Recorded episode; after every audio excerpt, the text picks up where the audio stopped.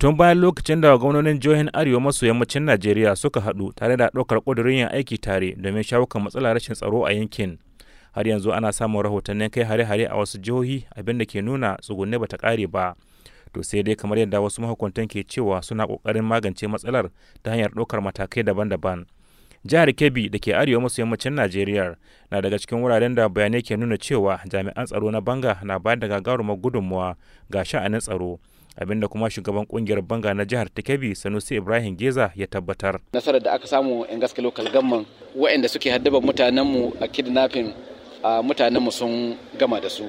Kuna labarin waɗanda suka haddabi mutanenmu a danko sagu su ma haka. A nan yankin banza kalgo arewa local government akwai wani jagoran bandit wanda yake jagorancin haddaba mutanenmu wanda kira dogo oro shi ma mutanenmu sun gama da shi.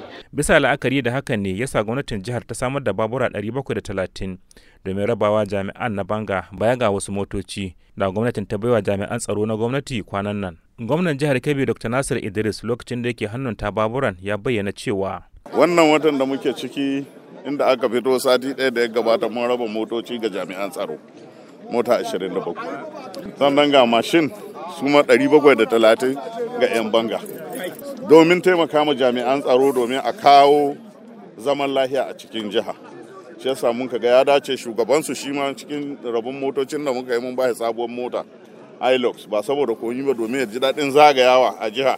Yana ganin abin da mutanensa suke yi. Shugaban ƙungiyar banga a jihar Kebbi Sanusi Ibrahim Geza ya ce samar da baburan faɗuwa ce ta zo daidai da zama. Su ne muke ta kuka a kai ne saboda su 'yan banda su ne suke amfani da shi kuma baburan da aka kawo waɗanda suka fi waɗanda banda suke amfani da shi ne. Ko bayan waɗannan baburan shugaban ƙungiyar ta banga ya ce akwai tanadi da gwamnati ta yi musu. Eh ƙwarai a hakikanin gaskiya jiya an kira ni cabinet office na karɓi stock na wasu bindigogi a jiya ne na kai su police headquarter domin sa kifin kafin su ma a raba su. To ko wannan abun zai yi tasiri wajen samun sauƙin matsalar rashin tsaro a jihar? Detective Awal Baladir mai iya masanin tsaro ne a Najeriya.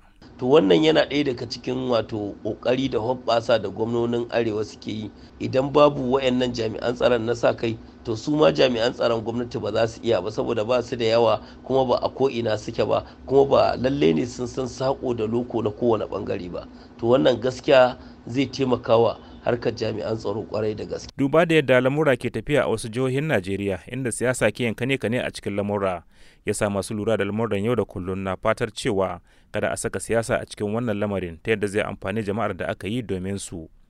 Muhammad Nasir, muryar Amurka daga Kebbi a Najeriya.